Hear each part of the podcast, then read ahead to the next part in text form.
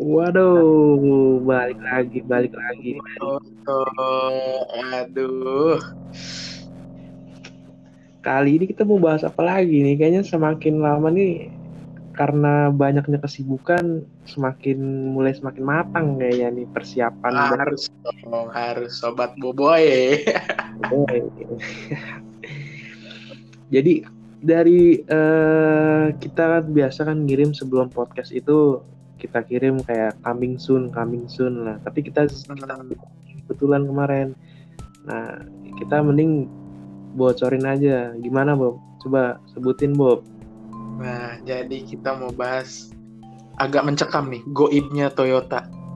Anjay, ini ini Toyota apa setan nih masalahnya, boy? Nanti kolaps lama-lama Toyota sama jurnal Risa nih. boleh, boleh, boleh, boleh. Jadi okay. apa aja nih yang kita bahas nih dari goibnya Toyota ini nih? Nih, langsung to the point aja nih ya. Gua okay. tanya, lu kalau inget mobil, John, coba. Kalau gua sih mobil ya pasti Toyota. Habis Toyota. Nah, Toyota kan. Karena kedua itu tuh udah udah di, ada di mindset gitu loh. Gimana sih? Mm -hmm. Gitu. Kalau lu gimana? asli sih. Gue juga mindsetnya kalau mobil apa? Toyota. Walaupun itu merek Jepang pasti kan orang mengidolakannya merek-merek Europe gitu. Tapi gue akui merek Toyota bisa dikatakan udah masuk ke DNA manusia di Republik Indonesia John. Waduh. Toyota ini udah ibaratnya kalau rantai makanan hewan tuh dia udah paling atas nih. Nah, udah paling atas John. Ini atas. bisa gue bilang di paling atas kenapa? Karena setelah gue ya riset-riset kecil-kecilan Toyota ini masuk ke semua segmen uh, konsumen otomotif yang ada di Indonesia John. Benar itu. Apalagi Toyota dengan produknya yang Avanza. Wah siapa yang nggak kenal Avanza? Siapa dari, yang nggak kenal tuh dari mengenah menengah atas sampai menengah bawah tuh pasti tahu Avanza nggak mungkin enggak ya. orang Indonesia tuh. Gua tanya lu dulu nih John lu pernah naik mobil Avanza nggak John pasti pernah. pernah. Kan? Mungkin nggak pernah John manusia Indonesia tuh John nggak mungkin enggak gitu loh. Oh kayaknya di di poster kita podcast ini nih ada tiga mobil yang dia tuh size-nya tuh gede tapi nggak gede-gede mm-hmm. banget. Karena ya kalau bisa dibilang ya tujuh kursi lah. Ya family friendly lah gitu. Kalau family friendly dan favorit Indonesia John pasti. Bener. Favorit keluarga menengah atas menengah banget sama menengah bawah gitu. Yoi. mulai coba dari menengah bawah deh coba gimana menurut lu John dari segmen Toyota ini kalau yang kita akan bahas ini kita kan mau ngebahas Toyota Rush ya. Hmm. Toyota Rush itu itu kan sebenarnya uh, modernnya Toyota apa yang dulu tuh? Sebelumnya? Toyota Rush cuma ganti generasi memang. Iya ganti generasi.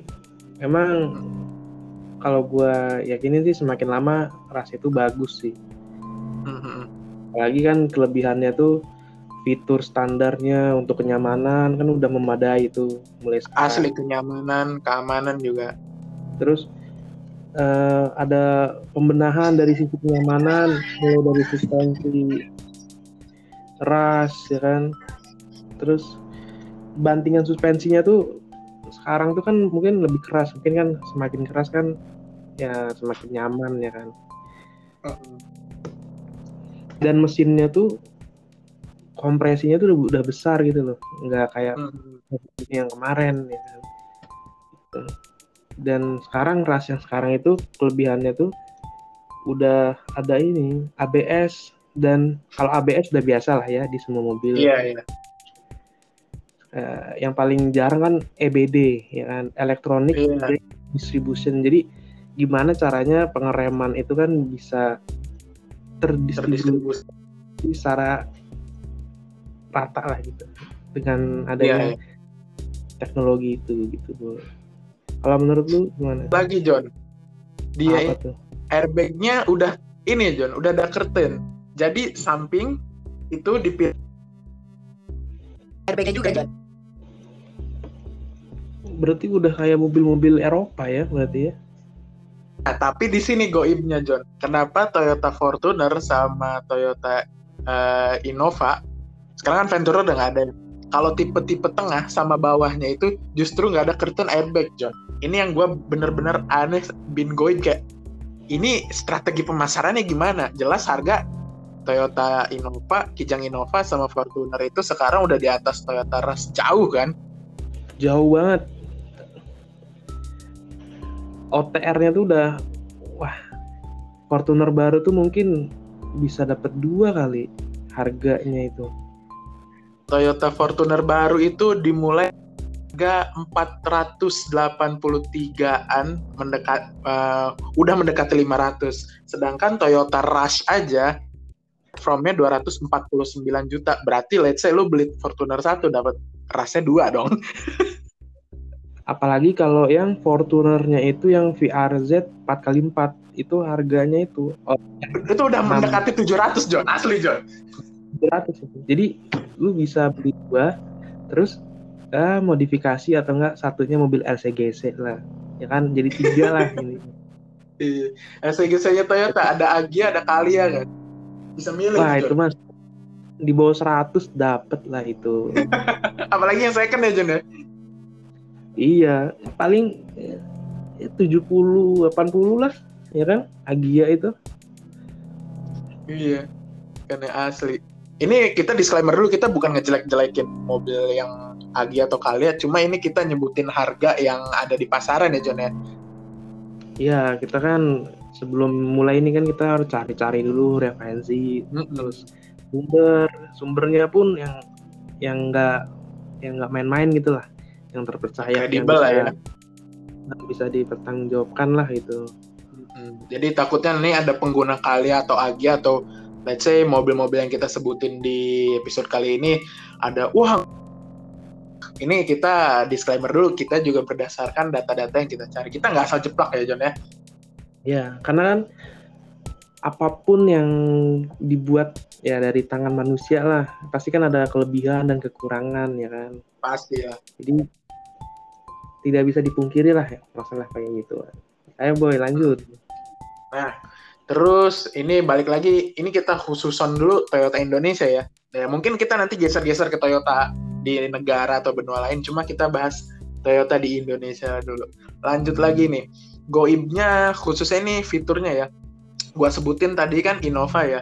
Innova yang harganya paling murah aja 320 jutaan itu rem belakangnya masih tromol John. Aduh. Sedangkan Sienta nih ya yang harganya cuma 270-an itu rem belakangnya udah cakram John. Itu gimana John? Gimana nggak goib John? Coba.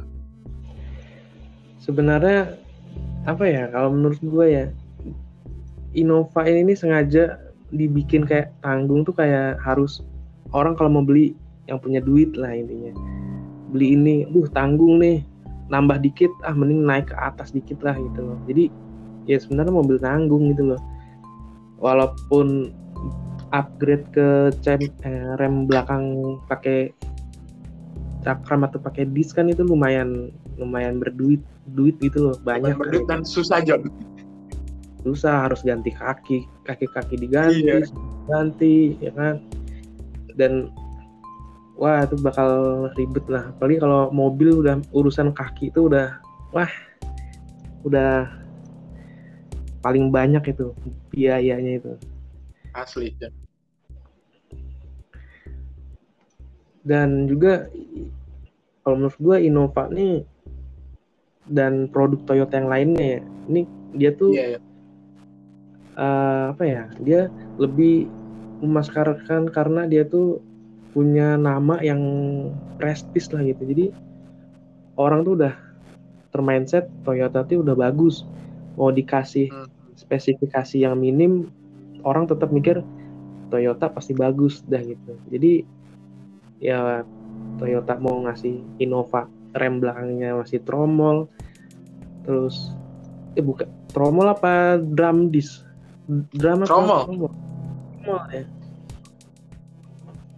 Tuh, jadi orang-orang tuh kayak udah termain Innova tuh atau Toyota tuh udah bagus gitu loh seminimal mungkin gitu.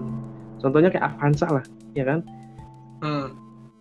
fitur biasa aja model biasa. Tapi penjualannya tuh wah nggak main-main tuh. Nggak ada yang bisa ngalahin. Tuh ibarat Honda ngeluarin Honda Beat. Nggak ada yang bisa ngalahin. Susah tuh John. susah. Vansa tuh kalau di dunia motor Honda Vario tuh. Bener. Semua orang tuh pasti punya atau pernah punya. Gitu. Pasti Minimal pernah naik, minimal pernah naik. iya. Karena ya tiap di jalan tuh nggak mungkin nggak ketemu mobil itu. Pasti ketemu. Nggak mungkin nggak. Even Afrika Selatan pun ada John. Toyota Avanza. selatan India apalagi India India. Jos In- India kan eh boy lanjut boy kita Nah, gue mau cerita dikit nih John pengalaman gue. Eh, kan gue pernah sebagai user yang kijang Innova Reborn ya orang-orang lebih nyebutnya. Dia kan be- eh, gue waktu itu pakai yang bensin yang 2000 cc. Gue akui itu mobil tenaganya memang bertambah walaupun gak signifikan daripada generasi sebelumnya. Tapi itu kayak ngerasa gue kurang worth it aja gitu loh belinya. Pertama dari borosnya sama orang pertama-pertama bawa itu kayak bawa kapal men. Gedenya minta ampun men. Benar terus setelah gua eh, telusuri kayak anjing harga segini John gitu. Gue mendingan beli si RV bekas gitu rem belakangnya udah cakram eh, fiturnya lebih baik gitu kayak ya itu tadi karena mindset mindset orang tua kali ya kayak udah Innova aja Innova aja. Padahal setelah di tek diliatin kayak oh udah ya gini doang gitu nggak ada yang spesial gitu loh. Itu kan sama-sama apa sasis yang masih leather frame rem belakang tromol even airbag pun cuma dua yang Avanza juga punya dua airbag sama tromol gitu. Jadi sebenarnya fiturnya fitur Avanza tapi dia kayak disuntik steroid biar lebih gemuk jadi Innova gitu men. Itu kayak udah template gitu loh. Kayak mobil sekarang tuh pasti minimal nggak LCGC nggak sekarang semua lah. Pasti udah punya airbag ya kan di depan dua. Pasti itu iya. Mobil sekarang loh. Jadi sayang aja sih kalau mobil mahal tapi fiturnya masih ya masih tinggalan lah gitu loh. Nah, itu yang gue sayangkan dari goibnya Toyota ini. Makanya kenapa gue nyebutnya goib ini. Ini harga segini, tapi fiturnya eh, gue bisa bilang kurang worth it ya. Ini pandangan gue. Dan mungkin lu juga setuju, tapi kan kita juga nggak bisa mengubah mindset orang terhadap Toyota ya. Mm-mm, bener kalau gue lihat juga sih orang-orang tuh beli mobil tuh hampir mirip kayak investasi nggak sih dia beli mobil tuh nggak nggak dipakai selamanya gitu loh. Ya lima Mhm. tahun 10 tahun tuh pasti jual pasti jual. Makanya orang-orang tuh mikir ah beli mobil aja lah yang keren. Maksudnya yang Innova yang harganya tuh lumayan. Jadi biar harganya tuh nggak ya turun turunnya nggak terlalu jauh lah gitu. Jadi kalau orang Indonesia itu mindsetnya pengen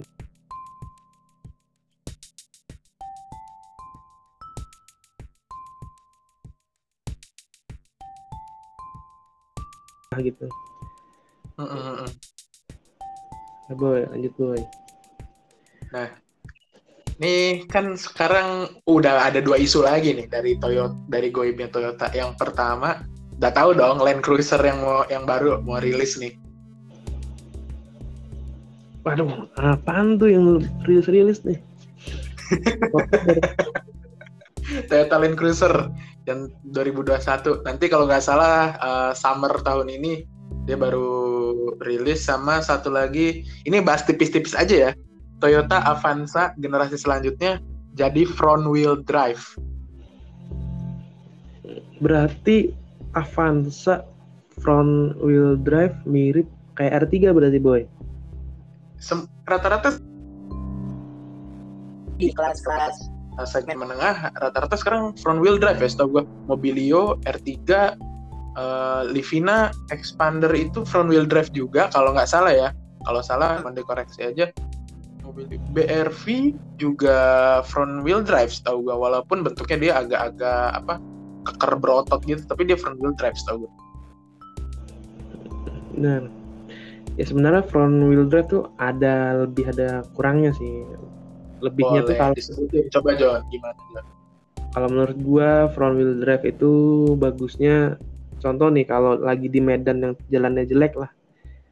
Kan biasanya kan mobil contoh 4 kali 4 itu kan mau kalau dia terperangkap kan yang eh, yang nyelamatin mobilnya itu kan ban depan tuh, ya kan? Heeh. yang narik Hmm. ban itu ban depan gitu kan. Kalau mobil drive jalan rusak ya berlumpur atau berbatu lah. Minimal kan mau kepalanya tuh kan udah lewat lah ya kan. Jadi ban depan Iya, iya. itu udah bebas lah gitu.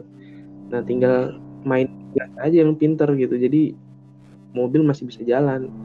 Nah sayangnya kalau tanjakan, wah kalau kurang ancang-ancang pasti selip itu. Karena kan beban kalau nanjak tuh kan ke belakang ya kan, bukan ke depan. Iya ya kan. benar-benar. Nah itu dia jeleknya, kelemahannya sih menurut gue itu jeleknya. Pas ya tanjakan terus kurang ancang-ancang, ya udah wassalam aja udah itu. Kalau penggerak roda belakang kan masih bisa lah ya kan, selamat. Hmm. Tapi kalau jalan jelek ya selamat juga. gue cerita dikit nih ada pengalaman tidak mengenakan nih kan gue pakai mobil gue yang front wheel drive itu di nanjak di Pacitan Jawa Timur nggak kuat boy mundur gue Bener. Ya nanjak. Mungkin dikasih batu mungkin bisa. Kayak orang belajaran. bener-bener nggak kuat. Anjir kata gue waduh nih mobil kenapa? Ternyata setelah gue pelajari dari situ juga gue belajar sih kayak oh ternyata minusnya gini plusnya gini. Tapi ada plusnya John.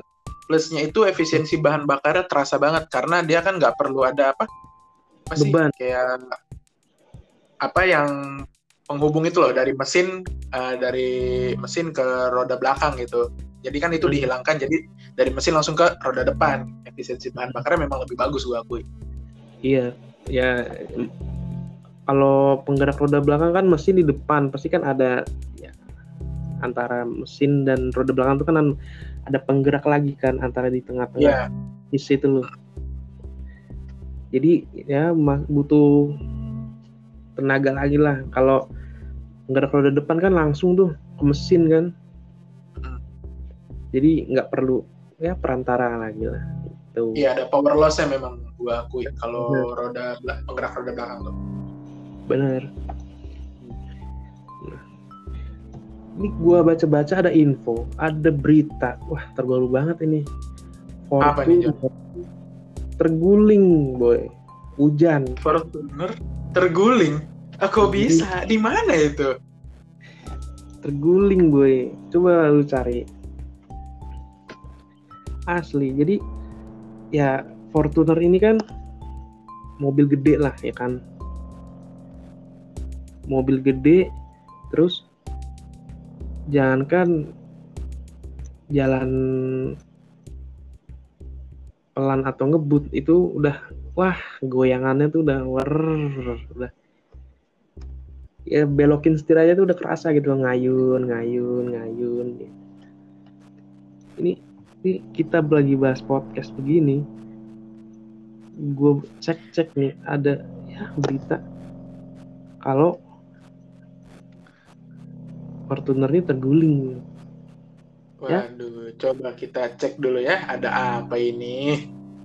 ini ini barusan nih beritanya nih sekitar 6 jam yang lalu mungkin Ya, siang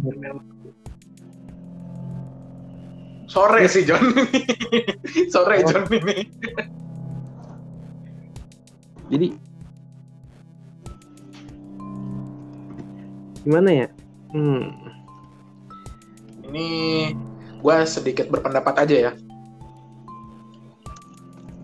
gimana tuh Kalau secara kronologis kan kita nggak tahu ya John ya. Dia gimana, keadaan jalannya gimana. Atau apa kalau dari yang gua baca memang dia nggak terlalu ngebut sih Nah. kecepatan sekitar 40 sampai 60 km per jam kan Iya. Terus dia bilang ban kanan depan mobil seperti mengerem sendiri. Nah, kalau yang gua gua yang tahu ya, berarti ini kan VSC-nya udah masuk berarti kan vehicle stability control-nya karena si eh, apa beban mobil ini sudah tidak mampu batas bebannya sudah tidak mampu. Ini koreksi aja kalau ada gue salah ya. Jadi si VSC ini masuk ke sistem. Jadi dia sampai ngerem sehingga menyebabkan mungkin ban slip atau gimana. Tapi gue nggak tahu ini Fortunernya tahun berapa dan tipe berapa ya. Jadi Kalau- kalau besar Hmm. seperti Iya. Kalau dari foto berita, ini kalau dilihat ini Fortuner baru boy. Generasi iya baru. Kelihatan dari bodinya, velgnya apalagi. Karena yang lama kan nggak kayak gini kan Enggak modelnya. enggak yang lama beda jauh banget. Ya, mm. Sebenarnya ya Fortuner walaupun jalan pelan dan jalan kencang tuh juga ngayunnya tuh kerasa gitu kan. Iya namanya juga SUV limbungnya kerasa banget memang. Kerasa. Kalau emang orang yang pengen kenyamanan lebih pasti dia ngasih stabilizer tuh di suspensinya tuh. Mm-mm. biar bantingannya bukan hilang tapi meminimalisir lah biar nggak terlalu oleng atau limbung lah gitu. Emang goibnya Toyota nih susah diterawang ya. Yang bisa nerawang nih kira-kira kaum mana nih? Kaum menengah atas apa menengah bawah nih sebenarnya? Gue kalau i- ingat berita Fortuner itu inget ini cerita eh, apa, kasus Bapau Fortuner Bapau Setnov, Setia Novanto. anjir. Gue inget jadi inget. Itu di berita acara debat sampai dida sampai ngedatengin pihak Toyotanya coba. Ya, itu kan kabarnya kan eh, airbagsnya nggak ngembang kan? gue nggak tahu gimana ceritanya tapi lu tahu gak di situ jadi kesempatan sales sales marketing eh, merek kompetitor khususnya Mitsubishi Pajero Sport. Wah, ada komen jangan beli Fortuner 20 km per jam aja lukanya segede bapak mending beli Pajero Sport kata gua bangsat soft selling kata gua Harus itu. Nah, hmm, kita sekarang bahas kelebihan dan kekurangan gimana boy? Biar boleh kayaknya- boleh boleh oh, mulai dari siapa nih? Mulai dari lu apa gua nih? dari lu dulu coba gimana gimana Kalau menurut dari gua sih yang pertama Fortuner. Kalau yang Ras kan tadi udah tuh kan. Mungkin Hmm. Ras nanti ya gua tambahin kekurangannya lah karena kan tadi di awal tuh udah ngebahas kelebihannya kan. Jadi sekarang nih gue pengen yang pertama nih Fortuner kelebihannya tuh kalau menurut gue tuh yang pertama fitur lengkap kecuali ya untuk varian yang bawah mungkin nggak terlalu lengkap tapi untuk yang atas lumayan fitur Iya. lengkap kan mulai dari lampu udah LED sekarang terus pintu bagasi pun udah elektrik ya kan? Terus yang kedua perubahan desain ini udah menyeluruh gitu loh dari generasi sebelumnya sampai sekarang. Terus mesin dieselnya pun baru ya kan? Iya. bertenaga lah dibanting sebelumnya. Mungkin ada Jelas. itu. beberapa ya beberapa kekurangan dari Fortuner tuh kalau menurut gua ya masih kalah sama Pajero kalah banget sih sebenarnya Pajero Sport ya. Iya bener. Terus des- desain kurang agresif lah. Ya kurang lah. Nah yang paling penting di Indonesia terhambat itu regulasi 4x4 jadi untuk varian Wah, iya. 4x4 tuh wah harganya goib juga tuh hitungannya Goib mesinnya dua ya kan? Mesin depan mesin belakang. Gitu. iya iya. Itu kekurangannya itu. Jadi yang pengen Fortuner 4x4 ya harus mikir pajak dulu deh. Karena pajak udah nggak main-main gitu ya. Tapi kalau namanya udah orang kaya sih ya. Ya mungkin ya santai lah. Gitu. Nah, orang kaya mah biasanya langsung Land Cruiser sih boy bener sih langsung A, langsung tipe atas atau enggak Jeep ya kan. Nah mulai Innova kalau menurut gua kelebihan kekurangannya tuh hmm, suspensi independen ya kan di keempat rodanya tuh. Yang baru nih yang sekarang nih. Iya. Interior lebih mewah ya kan lebih mewah dan nyaman lah dari generasi kemarin. Kalau generasi dahulu kan Innova tuh ya maaf maaf aja sih masih masih kurang gitu kan iya standar aja sih kata gue juga standar apalagi Innova nih kelebihannya yang lebih sport itu kan ada di tipe Venturer tuh tipe atas lah. Tapi sekarang udah nggak ada nih Venturer loh. Bener. Sebenarnya Venturer itu cuma beda chrome doang. beda ini kalau di orang mah beda merek make up. Iya, iya beda merek skincare lah. Kekurangannya kalau gue lihat desain di ini boy di pilar D-nya itu menurut gue kurang. Oh iya, apa-apa. Kurang. Terus yang paling penting dan untuk keselamatan ya itu belum ada rem cakram di belakangnya itu sih kurangnya boy. Boy memang. Emang entah ini Innova emang pengen menantang orang yang belinya tuh eh lu modif sih sana kerenin dikit kayak gitu. Kayak dikasih challenge. kayak dikasih challenge gitu loh. Kalau ras mungkin ada beberapa lah ya kan. Ya, karena ras itu lumayan nggak tinggi tinggi amat sih tapi kan titik gravitasinya tuh tinggi gitu loh. Jadi ya lumayan body rollnya tuh besar dari ketimbang kompetitor yang lainnya tuh.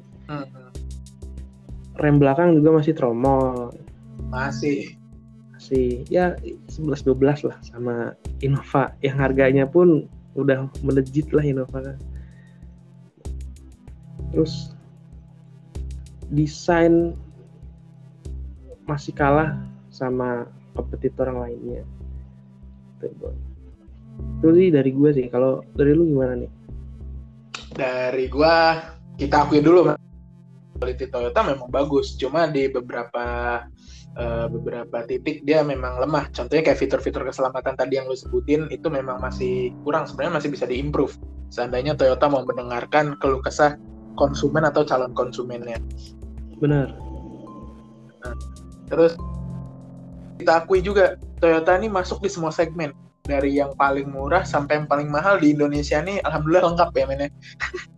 lengkap dari paling atas itu Toyota itu dipegang Land Cruiser paling mahal di ATPM Land, ya. Land Cruiser, terus Alfa, Al Alphard, ter hmm. Velfire, Camry, kayaknya itu top chartnya tuh, yang ke yeah, atas. Ya. Top chart juga. Uh, kalau uh, bawah ya. Sampai bawahnya banyak lah ya pilihannya, menyesuaikan dengan budget yang kita punya aja kan itu sebenarnya. Iya, wah itu banyak banget itu. itu boy. Jadi emang goib sih goib. Eh lanjut boy, menurut gimana boy? Nah, terus ini gue mau bahas mobil yang dari tadi kita kurang di kurang mention ya. Yang pertama dari Toyota Sienta dulu nih. Iya gimana gimana? Itu kayaknya langsung menarik. Hmm, di harga segitu sebenarnya cukup sangat-sangat menarik. Dia kan sebenarnya kompetitor langsungnya itu kan Honda Freed. Tapi begitu si Sienta eh sorry, Freed dulu di berhenti produksi di 2014-2015 melihat ada kekosongan di segmen itu Toyota pinter dia langsung masuk. Nah goib kan? Jadi Toyota ini Toyota Sienta ini nggak ada kompetitor secara langsung. Kemudian Alphard Velfire juga dia nggak ada kompetitor langsung. Dulu tuh ada Nissan Elgrand cuma kurang begitu dilirik padahal itu bagus. Mm-hmm. akhirnya Alphard sama Velfire berdiri aja mereka berdua kan? Nggak ada kompetitor yeah. yang real secara langsung gitu head to head. Goib juga kan? Karena dulu tuh El Grand itu tuh masih JDM nggak sih? Masih CBU deh itu. Iya CBU asli. Karena kebetulan dulu SMA teman gue punya El Grand dan itu hmm head unitnya tuh masih bahasa Jepang gitu loh. Tadi rumput emang, nggak ngerti gue itu. iya jadi bener-bener masih Jepang gitu. Jadi dia pas gue tanya lu pakai nggak nih? Dibilang ya pakai cuman buat kabel aux doang nggak ngerti itu yang ngoprasin temen lu suruh pakai Google Translate harusnya men. Iya jadi itu sih mungkin yang bikin kurangnya peminat ya Elgran itu. Hmm, dan juga Sienta itu kalau menurut gue Toyota ini kayak kurang mateng gitu loh karena masih tetap kalah sama Honda Freed. Bener nggak? Iya benar-benar gue pun jujur lebih suka Honda Freed sebenarnya daripada Toyota Sienta. Kecuali ada yang mau ngasih gue Toyota Sienta gue gue seneng-seneng aja sih iya dia tuh di jalan kayak jarang sih. Itu kayaknya lebih langka daripada supercar kayak itu sih. Saking saking jarang ada yang mau belinya kali ya. Iya di jalan tuh nggak ada ya sehari lah. Lihat aja jalan. Kayak nggak ketemu sih Sienta satu dua kali. Kalau Foxy itu gimana boy? Foxy. Kita mulai berikut Foxy. Foxy ini dia lawan langsungnya banyak dulu itu sebenarnya ada Mitsubishi Delica, ada Mazda Biante, ada uh, Nissan Serena. Tapi Bian, uh, Mazda Biante sama Mitsubishi Delica kan kalah. Nah, jadi dia kompetitornya nih ada nih head to headnya langsung sama Serena C26 kalau nggak salah. Ya benar. Serena C26 ini uh, apa? Kan Nissan Serena ini udah melekat di masyarakat Indonesia yang cukup mewah ya. Jadi memang Toyota Foxy ini cukup apa, ya, bertarung kuat gitu loh ya. Nah, tapi setelah gue lihat-lihat ini khususnya pandemi ini penjualan Toyota malah bisa menyaingi atau bahkan melebihi Nissan Serena. Jadi menurut gue ini pandemi nggak ngaruh sih. Yang kaya ya kaya aja tetap beli mobil kan. gue beli yang dibeli Toyota lagi kan gue itu. Bener gue. Uh, Foxy itu kalau bisa dibilang dia level ini orang kaya versi light iya, kayak versi light mau beli Alphard belum mampu. belum mampu, mau beli Alphard bekas uh, bayar pajak. Pajaknya bingung. Pajaknya bingung terus kurang ya nggak prestis kan kalau udah second apalagi udah model lama ya kan. Walaupun Alphard ya. model lama tuh udah masuk di kantong gitu loh harganya ya kan. Iya. Nah, jadi ya udah gila lah ya pakai Foxy lah ya 11 12 lah kalau di parkiran ya kan? Kalau pakai Foxy. Dan Foxy itu family friendly gue rasa.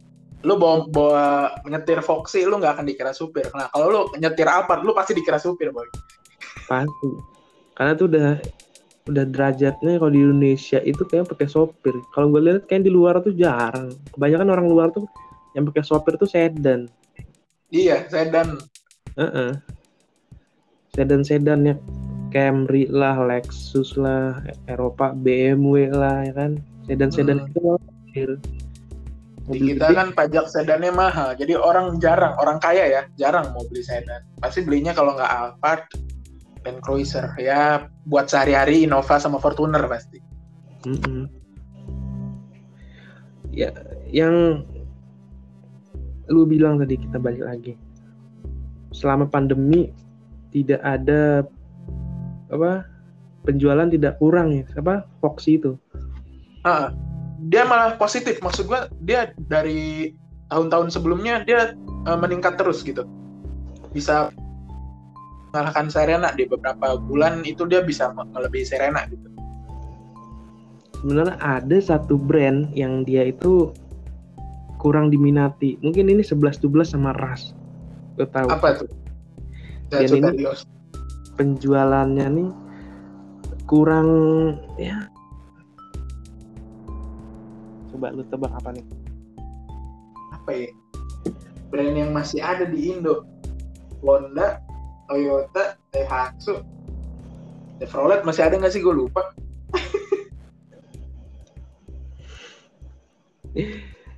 Gue beberapa sumber dan berita.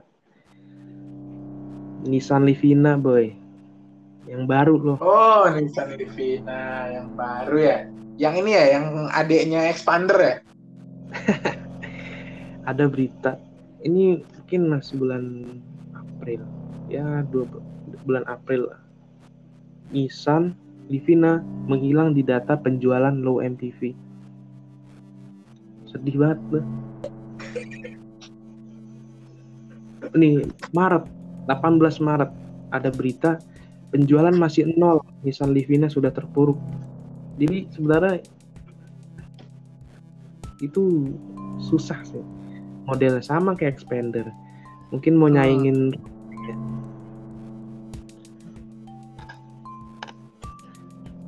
emang segoip-goipnya Toyota ini tetap Toyota ini nggak bisa digoyangin udah bener-bener berdiri sendiri rantai makanan paling atas itu Toyota. Iya harta tahta Toyota kan?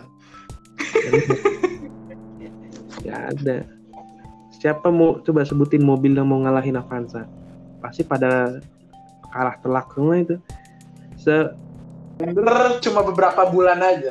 Beberapa bulan di Ya. awal-awal dia rilis setelah itu dia Toyota tuh salip-salipan dulu Avanza ya. Iya. Jadi susah banget lah pokoknya Toyota tuh untuk disaingi udah berdiri sendiri lah emang udah kodratnya sih emang Toyota itu. Mhm. Emang pembahasan malam ini kayaknya kita lumayan lumayan padet ya. Walaupun ada sedikit melebar dikit lah. Ya, melebar ke mana-mana wajar tapi masih nyambung. Soalnya kalau ngomongin Toyota ini nggak ada habisnya sebenarnya John ini baru ngomongin Toyota Indonesia nih belum Toyota global nih belum gue belum ngomong Toyota di Arab di Afrika di Australia sama di Europe sama di US nih. Waduh kalau Toyota udah kalau masuk Eropa tuh fiturnya udah nggak main-main sih udah makanya ini belum belum ngomongin ini masih Toyota Indonesia nih gue apa banding bandingin belum Toyota global makanya. Kayaknya agak-agak bukan agak-agak panjang kepanjangan kalau bahas Toyota global. Kalau masih Asia tuh masih 11-12 salah sama Indonesia. Coba tetangga Indonesia yang paling pojok Australia, Toyota Australia tuh. Waduh, kacau. Waduh, itu jujur gue pengen Land Cruiser Prado-nya sih. Kacau. Kalau masih Asia masih Singapura, Malaysia, Brunei, Thailand, Filipina. Yang lainnya lah tuh masih 11-12 lah. Toyota Thailand sama Toyota Indonesia fiturnya bagusan Toyota Thailand John. Karena Indonesia tuh pasti ada namanya disunat. Ada sunatan sih. Jadi mobil juga kena sunat ya. Bener. Pokoknya yang di Indonesia tuh fiturnya tuh pasti disunat. Kalau mau banyak fitur ya beli yang yang tipe atas biar lengkap. Sengaja marketing gitu, marketing. Tapi jarang yang beli John. Mahal. Bener. Wah, bener-bener padet banget nih kayaknya kita bahasan di malam ini nih. Wah, Gimana kalau kita sudahi aja John? Ini udah ke mana-mana ini udah bahas Toyota Australia nih John. bener. Ya mungkin kita bakal ngebahas mobil yang lebih ekstrim lagi, yang lebih sangar lagi, lebih sangar dari Toyota lah ini. Boleh, boleh, boleh. Boleh, boleh. Ya udah, kalau kayak gitu gua pamit. Gue juga pamit John. Ya udah. Sampai bertemu di episode selanjutnya. Oke, bye-bye. Boboy Oto, Sobat Boboy Oto, selamat tinggal, selamat malam. Siap. Assalamualaikum. Waalaikumsalam.